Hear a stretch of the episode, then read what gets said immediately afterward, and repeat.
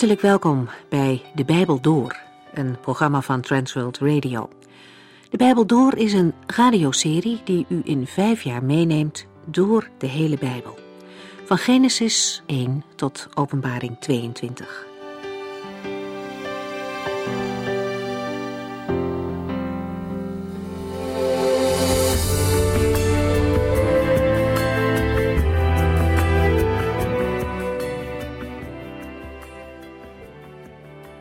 De vorige uitzending ging over Deuteronomium hoofdstuk 8. Tel uw zegeningen, daar begonnen we mee.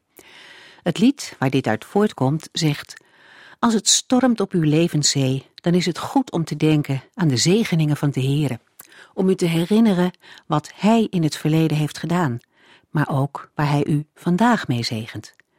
Want dwars door alle moeite heen ziet u dan Gods liefde voor u. Mozes drukt het de Israëlieten op hun hart als zij op het punt staan om het beloofde land binnen te gaan. Hij herinnert hen eraan hoe de Heere tijdens de woestijnreis voortdurend voor hen gezorgd heeft. Soms was het wel heel moeilijk.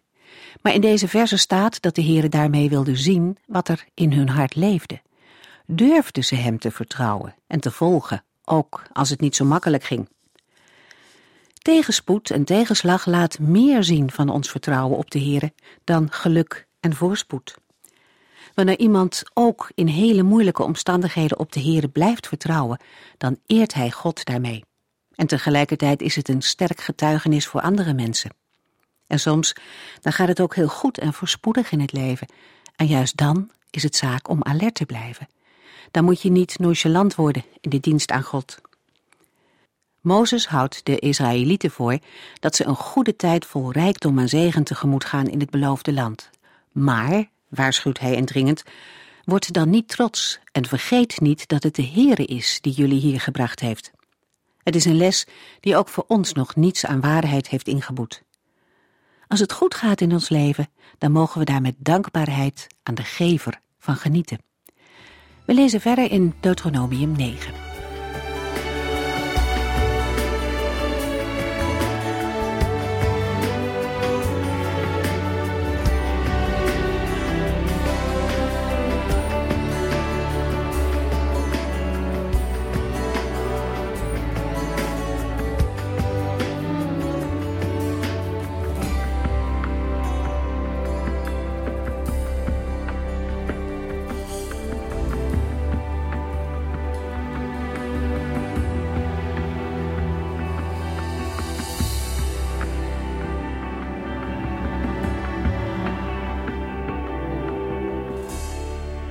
Vorige uitzending sloten we af met Deuteronomium 9, vers 6. Met nadruk zegt Mozes dat de Heer het volk Israël het land niet geeft omdat zij zo goed zijn. Mozes moet namens de Heer zeggen: U bent een slecht en koppig volk. In het vervolg worden allerlei voorbeelden ter onderbouwing van deze conclusie gegeven. Bij de Heer zijn maar twee motieven van toepassing de belofte aan de vaderen, Abraham, Isaac en Jacob, en de goddeloosheid van de volken die nu in het beloofde land wonen. Gods verkiezing gaat vooraf aan het handelen van mensen. Deuteronomium 9, vers 7. Onthoud goed hoe woedend u de Heer uw God in de woestijn steeds weer gemaakt hebt. Zo is het sinds de uittocht uit Egypte steeds geweest. Voortdurend bent u opstandig geweest tegen hem. Mozes wijst terug naar hun verleden en wijst speciaal naar de tijd dat ze het gouden kalf maakten. Als we teruggaan naar Exodus 32, vers 4, lezen we: Aaron smolt het goud en goot het in de vorm van een kalf. De Israëlieten riepen: O Israël, dit is de God die ons uit Egypte heeft bevrijd.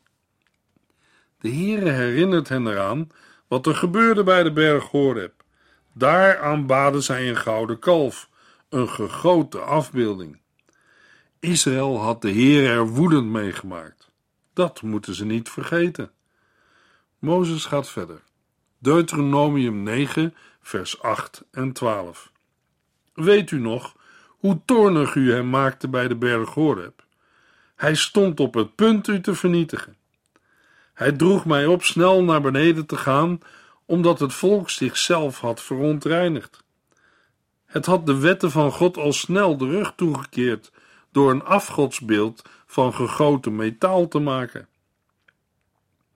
De woorden zijn bijna een letterlijk citaat uit Exodus 32. Tegelijkertijd met het klaarmaken van de zichtbare bewijzen van het verbond, de twee stenen plakettes, heeft Israël zich van het verbond afgekeerd en het verbroken. Deuteronomium 9, vers 13 en 14. Laat me mijn gang gaan, dan kan ik de slechte en koppige mensen van dit volk vernietigen, zei de Heere tegen mij. Dan zal ik de herinnering aan hen volledig uitwissen. Ik zal u dan tot een groot volk maken, machtiger en groter dan zij. Mozes had voor eigen eer en roem kunnen gaan. De Heere wilde met hem verder gaan en het volk vernietigen. Voor Mozes moet het een beproeving zijn geweest. Hij pleitte ten gunste van het volk Israël. Exodus 33. Mozes wil niet verder als de Heere niet meegaat. Pas dan is hij gerust. Hij identificeerde zich met het volk. Toen Mozes van de berg was afgedaald, zag hij wat er was gebeurd. Deuteronomium 9, vers 16. Beneden mij zag ik het kalf dat u had gemaakt in uw vreselijke zonde tegen de Heer uw God. Wat keerde u hem snel de rug toe? Het volk is vrijwel onmiddellijk, binnen veertig dagen, afgeweken van de weg van Gods geboden. Zij lieten een gouden kalf maken en aanbaden het als hun God. Luisteraar, wij hoeven het volk Israël niets te verwijten. Als de Heer het niet verhoedt, dan zijn wij niet beter. Wij moeten allemaal het gebed bidden uit Psalm 139, vers 23 en 24. God, houd u mij in het oog en ken mijn hart. Toets mij. U mag alles weten wat er in mij omgaat. Let op of ik soms de verkeerde weg op ga. Leid mij op uw weg die naar uw eeuwigheid voert. Ook in het Nieuwe Testament worden gelijksoortige aansporingen gegeven. Bijvoorbeeld in 2 Korintiërs 13 vers 5. Onderzoek uzelf om na te gaan of u wel gehoorzame volgelingen van Christus bent. Weet u of Jezus Christus in u woont? Mocht dat niet zo zijn, dan staat u er helemaal buiten. Laten we bij onszelf nagaan of we echte volgelingen van Christus zijn. Er zijn ook mensen die erop lijken, maar het niet zijn. Schijnchristenen. Laten ieder zijn eigen hart onderzoeken. Deuteronomium 9, vers 17 en 18. Toen hief ik de plakettes hoog boven mijn hoofd en smeet ze op de grond kapot. Ik gooide ze in stukken waar u bij stond. Opnieuw wierp ik mij veertig dagen en nachten voor de Heere neer, zonder te eten of te drinken. U had gedaan wat de Heere het meest haatte, en daardoor had u zijn toorn opgewekt. Mozes kende de Heere. David vertelt in Psalm 103, vers 7: Aan Mozes vertelde hij zijn bedoelingen, en het volk van Israël mocht zijn grote daden zien. Mozes gaat in de bres staan voor het volk en viel op zijn gezicht voor de Heere. Hij vastte en riep veertig dagen en nachten tot God. Waarom? Omdat Mozes de Heere kende. Hij wist hoezeer de Heere de zonde haatte. Maar Mozes wist ook van de genade die de Heere geeft. Mozes bidt en vast omdat hij weet dat de Heere genadig is. Heeft u zijn genade al aan de lijve ondervonden? Mozes en het volk Israël wel. Hij zegt in Deuteronomium 9, vers 19: Ik vrees het ergste voor u, want de Heere stond op het punt u te vernietigen. Maar ook deze keer verhoorde de Heere mijn gebed. De Heere verhoorde het gebed van Mozes, niet om Mozes, maar omdat de Heere vol van genade en liefde was voor het volk Israël. Paulus zegt in Romeinen 9, vers 15: Denk maar eens aan wat hij tegen Mozes zei. Ik ben genadig voor wie ik genadig wil zijn, en ik ontferm mij over wie ik mij wil ontfermen. God is soeverein, en dat toont hij in zijn genade. Hoe wonderlijk is dat? U en ik begrijpen dat niet van de Heere. Zijn haat over de zonde en zijn genade voor de zondaar. Deuteronomium 9, vers 20 en 21.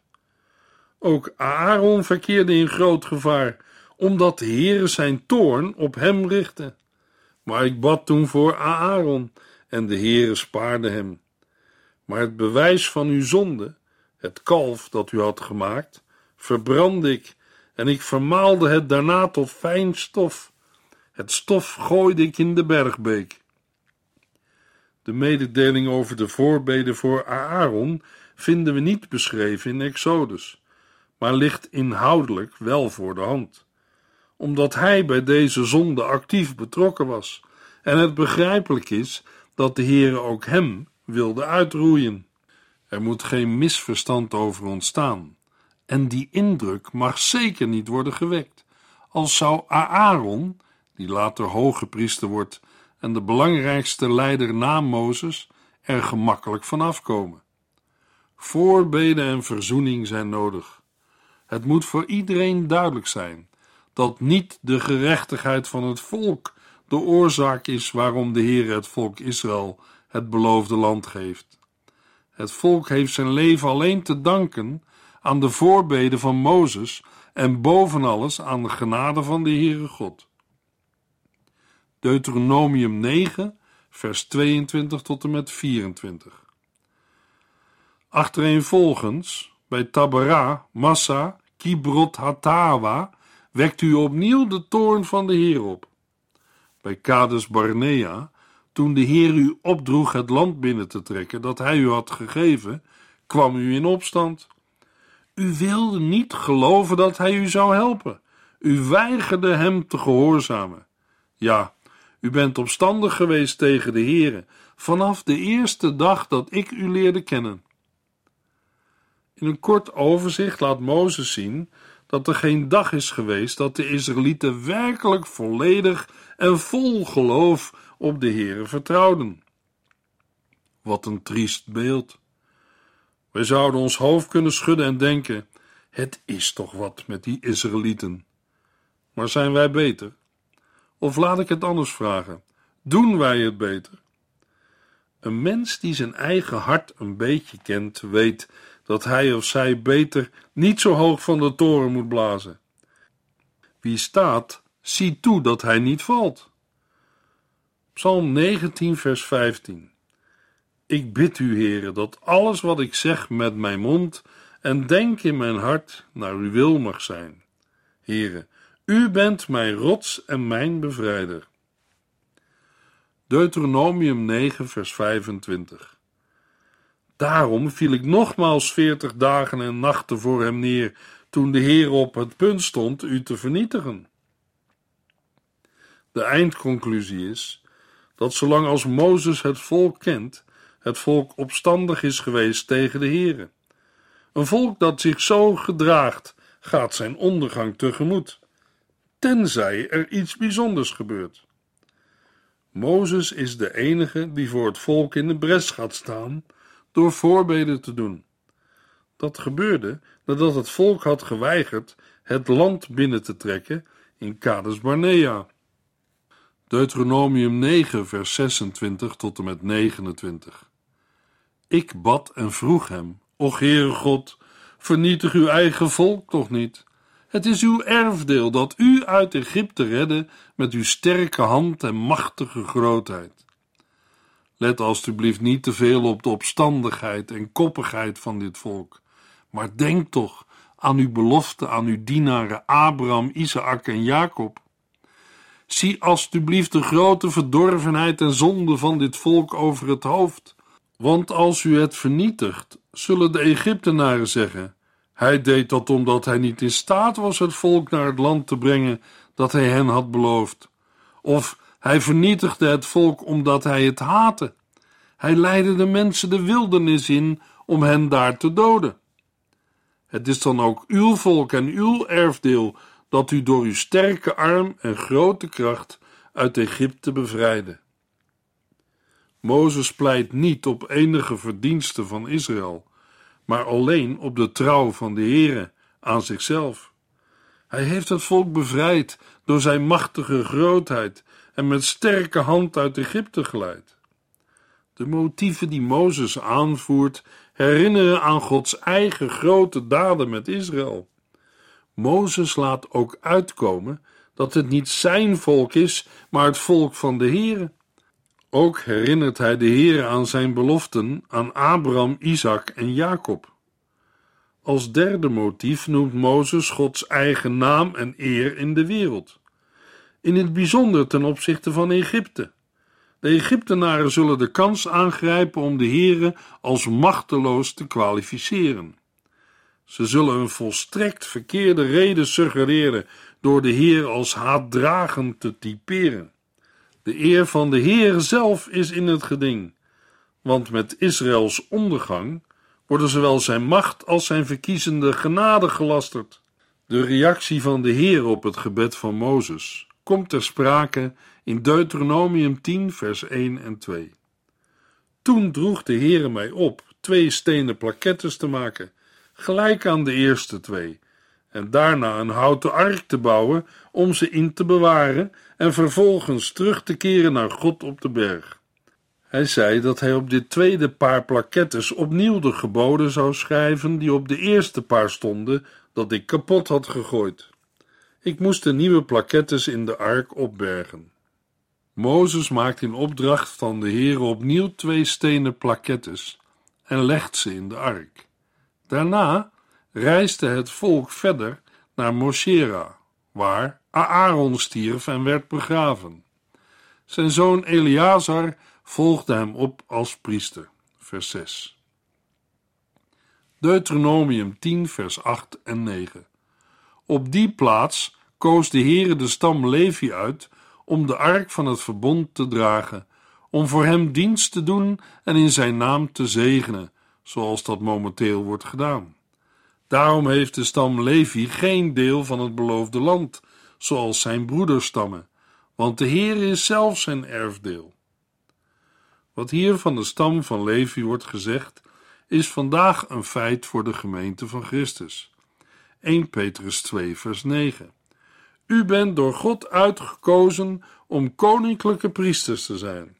Mensen die voor God zijn afgezonderd om overal te vertellen hoe goed en groot Hij is die u geroepen heeft om vanuit de duisternis naar zijn heerlijk licht te komen. Iedere nieuwtestamentische gelovige is een priester. Een nieuwtestamentische priester wijdt zichzelf aan de Heere God. In Romeinen 12, vers 1 lezen we: Laat uw lichaam een levend offer zijn, heilig, zodat het een vreugde voor God is. 1 Corinthians 12, vers 27: U bent het lichaam van Christus, en ieder van u is een deel van dat lichaam. De stam van Levi kreeg geen materiële erfenis. De Heere was hun erfenis. Dat is ook vandaag de situatie van een nieuwtestamentische gelovige. De Heere zelf is onze erfenis. Wij zijn gezegend met alle geestelijke zegeningen in de hemelse gewesten. Deuteronomium 10, vers 12 en 13. En nu, Israël, wat verlangt de Heer uw God anders van u dan dat u met eerbied en ontzag luistert naar alles wat hij zegt? Dat u voor uw eigen bestwil de geboden die ik u vandaag geef, gehoorzaamt en dat u van hem houdt en hem dient met heel uw hart en ziel. Vers 12 begint met En nu, Israël, zoals in Deuteronomium 4, vers 1, waarmee de conclusie uit het voorafgaande getrokken wordt. Bij andere volken met de natuurreligie zijn goden en volken op elkaar aangewezen. Bij Israël is de relatie gegrond in Gods verkiezing, genade en trouwe zorg. Het logische gevolg hiervan is dat het volk dankbaarheid en liefde zal tonen.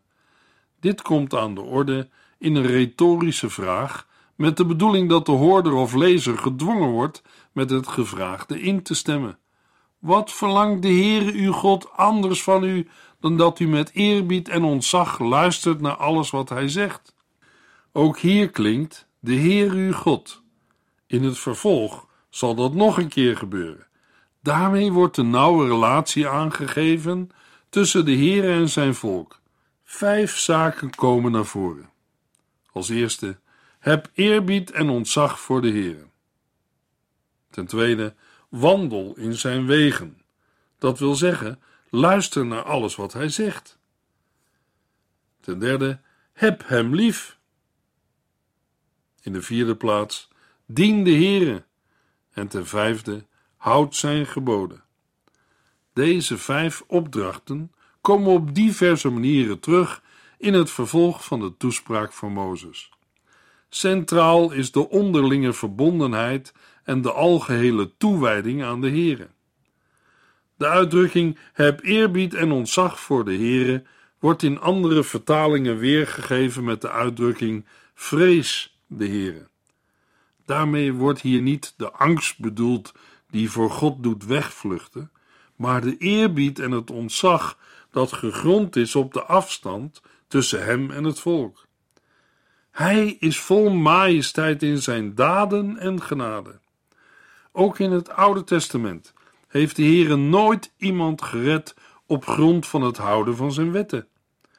Ook in het Oude Testament werd Israël gered op grond van Gods barmhartigheid en genade. In het Oude Testament werd al vooruitgezien naar Christus, die aan het kruis al de zonden van de hele wereld heeft verzoend en weggenomen. Wat is zijn genade groot? Deuteronomium 10, vers 18 tot en met 20. Hij verschaft recht aan weduwe en wees. Hij heeft de vreemdelingen lief en geeft hun voedsel en kleding. Daarom moet ook u van vreemdelingen houden, want u was zelf ooit vreemdeling in het land Egypte. U moet ontzag hebben voor de Heer uw God en hem aanbidden. Houd u aan hem vast en zweer alleen bij zijn naam. Behalve door rechtvaardigheid kenmerkt de Heer zich ook door barmhartigheid. Hij heeft het zwakke lief en komt op voor wie geen helper hebben. Een van de belangrijkste taken van de koning, niet alleen in Israël, maar ook bij de andere volken in die tijd, was om de zwakken in de samenleving te beschermen en ervoor te zorgen dat aan hen recht werd gedaan. In de versen die we lazen worden drie categorieën genoemd: de weduwe, de wees en de vreemdeling. In Deuteronomium 14 wordt ook de leviet in dit rijtje opgenomen. De Heere doet recht aan de weduwe en wees en bewijst zelfs liefde tegenover de vreemdeling door het geven van brood en kleding. Dat zijn eerste levensbehoeften die voor hen niet vanzelfsprekend zijn. Vers 20 wordt door de Heer Jezus geciteerd tijdens de verzoeking in de woestijn. U moet ontzag hebben voor de Heere uw God en Hem aanbidden. Deuteronomium 10, vers 22. Toen uw voorouders naar Egypte trokken, waren zij maar met 70 personen. Maar de Heer uw God heeft u nu zo talrijk gemaakt als de sterren aan de hemel. Al hebben de jongeren deze daden niet persoonlijk gezien, als volk vormen zij een eenheid die getuige is geweest. Als eerste wonder noemt Mozes de sterke uitbreiding die het volk heeft ondergaan sinds ze naar Egypte trokken. Dat is Gods werk en een getuigenis van de zojuist genoemde grote daden. Een verdere uitwerking volgt in Deuteronomium 11. Ook de gemeente van Christus heeft de taak de grote daden van God te verkondigen en te leven vanuit Zijn genade en ontferming. Deuteronomium 11, vers 1. U moet de Heer uw God liefhebben en al zijn geboden gehoorzamen. Het antwoord op de liefde van God is gehoorzaamheid. Deuteronomium 11, vers 8 en 9. Daarom moet u dus zorgvuldig de geboden gehoorzamen die ik u vandaag geef, zodat u de kracht krijgt om het land binnen te trekken en in bezit te nemen. Als u de geboden gehoorzaamt, zult u een lang en goed leven hebben in het land dat de Heer uw voorouders en u, hun nakomelingen, beloofde. Een prachtig land dat overvloeit van melk en honing. Vers 8 is iets anders geformuleerd dan vers 1. Maar opnieuw klinkt de oproep om zich te houden aan wat bevolen is. Wanneer de Israëlieten dat doen, zullen ze krachtig zijn en het land Canaan in bezit nemen. De enige garantie dat ze daar lang zullen leven, ligt in het doen van de geboden. De Heer heeft aan de voorvaderen gezworen dit land te zullen geven, een land vloeiend van melk en honing. Deuteronomium 11, vers 10. Want het land dat u gaat binnentrekken en in bezit nemen, is niet als het land Egypte, waar u vandaan bent gekomen en waar het nodig was het land kunstmatig te bevloeien. In Egypte moest er na het zaaien kunstmatig bevloeid worden. Egypte is een land waar het bijna niet regent, en toch is het een vruchtbaar land door de overstromingen van de Nijl. In Egypte werd bijna alles kunstmatig bevloeid.